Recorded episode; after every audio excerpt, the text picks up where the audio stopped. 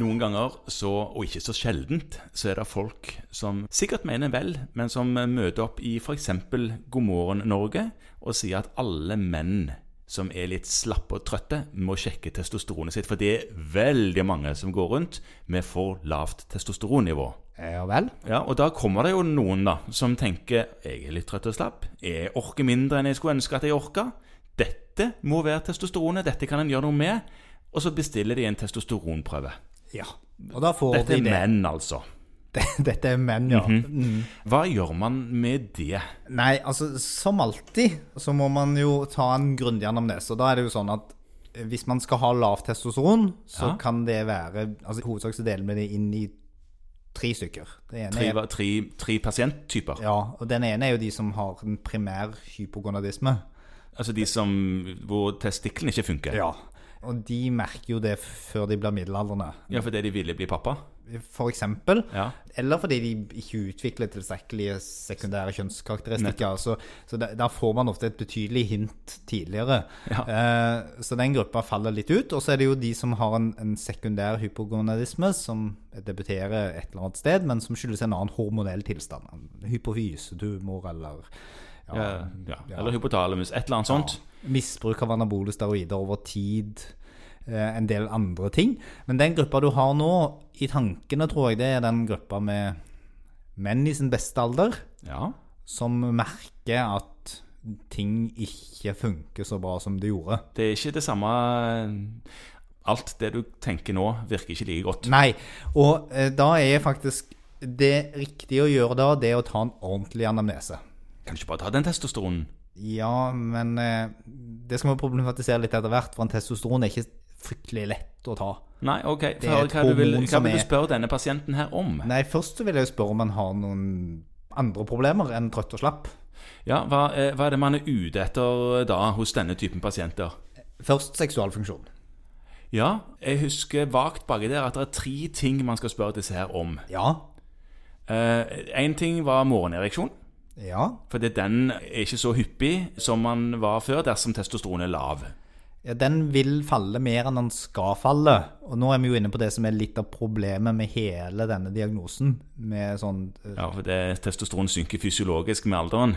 altså problemet med hele den diagnosen med sånn sent innsettende hypogonadisme, er at den er litt sånn omstridt, fordi at testosteron faller nok litt med årene. Ja, Og spørsmålet er om den faller mer enn det som er normalt. ja mer enn det fysiologiske fallet med alderen. Ja. Mhm. Så de fleste vil oppleve at morgenereksjonen blir sjeldnere, Ja, og at ereksjonen ikke er like egnet til å gjennomføre et samleie som før. På, altså, Seksualfunksjon eh, punkt nummer to. Ja. Ja. Eh, Er det mulig? Altså Hvis den på en måte ikke er mulig å gjennomføre et samleie, så er er nok det i utgangspunktet et symptom. Det er et symptom som kan skyldes mange forskjellige Ja. ting, men eh, i, Og- i en pakke Og så nummer tre, da. Det er seksuell lyst. Det, ja, libido. Ja. Og du må egentlig ha treff på alle tre. I For at du- tillegg til trøtthet og slapphet, og gjerne litt redusert muskelmasse. Ja, for at, du, for at det skal være noe poeng å gå videre og måle testosteron. Ja. Mhm. Eh, Så det må du spørre om. Men si at du har treff på de der. Ja, han syns kanskje at det er litt mindre morgenereksjon. Han klarer ikke helt å gjennomføre samleie, og lyst har han iallfall ikke. For det orker han jo ikke. Nei, sant, og da vet han hvordan han ikke klarer det da. Ja, nei, da, da, da tenker han at dette kommer ikke til å gå Nei, uansett.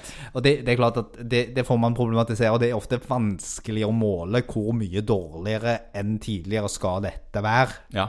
Eh, Jeg husker jeg var på et sånt impotenskurs, og da sa han at du må jo også sjekke at det gjelder alle partnere. ja, ja. For det, hvis, hvis, hvis det på en måte bare gjelder noen av seksualpartnerne dine, så er det neppe testosteronet det- som er problemet. Det minner meg om en historie hvor det var en president som gikk rundt i en hønsegård. Var jo på omvisning der, Ja. sammen med sin kone. Han gikk først. Nei, Konen gikk først, og så spurte konen denne hanen Får den seg hver eneste dag? Ja ja, mange ganger til dagen. Ja vel, si det til presidenten, sa konen. Så kom presidenten etterpå, og så sier de til han presidenten den hanen får seg hver dag. Å ja, med samme høne hver gang? Nei, forskjellig hver gang. Så det, det er noe med det. Ja, og- ja. det er Men noe han, med- for han her så var han da monogam, Ja. eh, og det var vrient. Ja, og da er det klart at da kan du ta testosteron. Ja, Ja. men bare til Ja.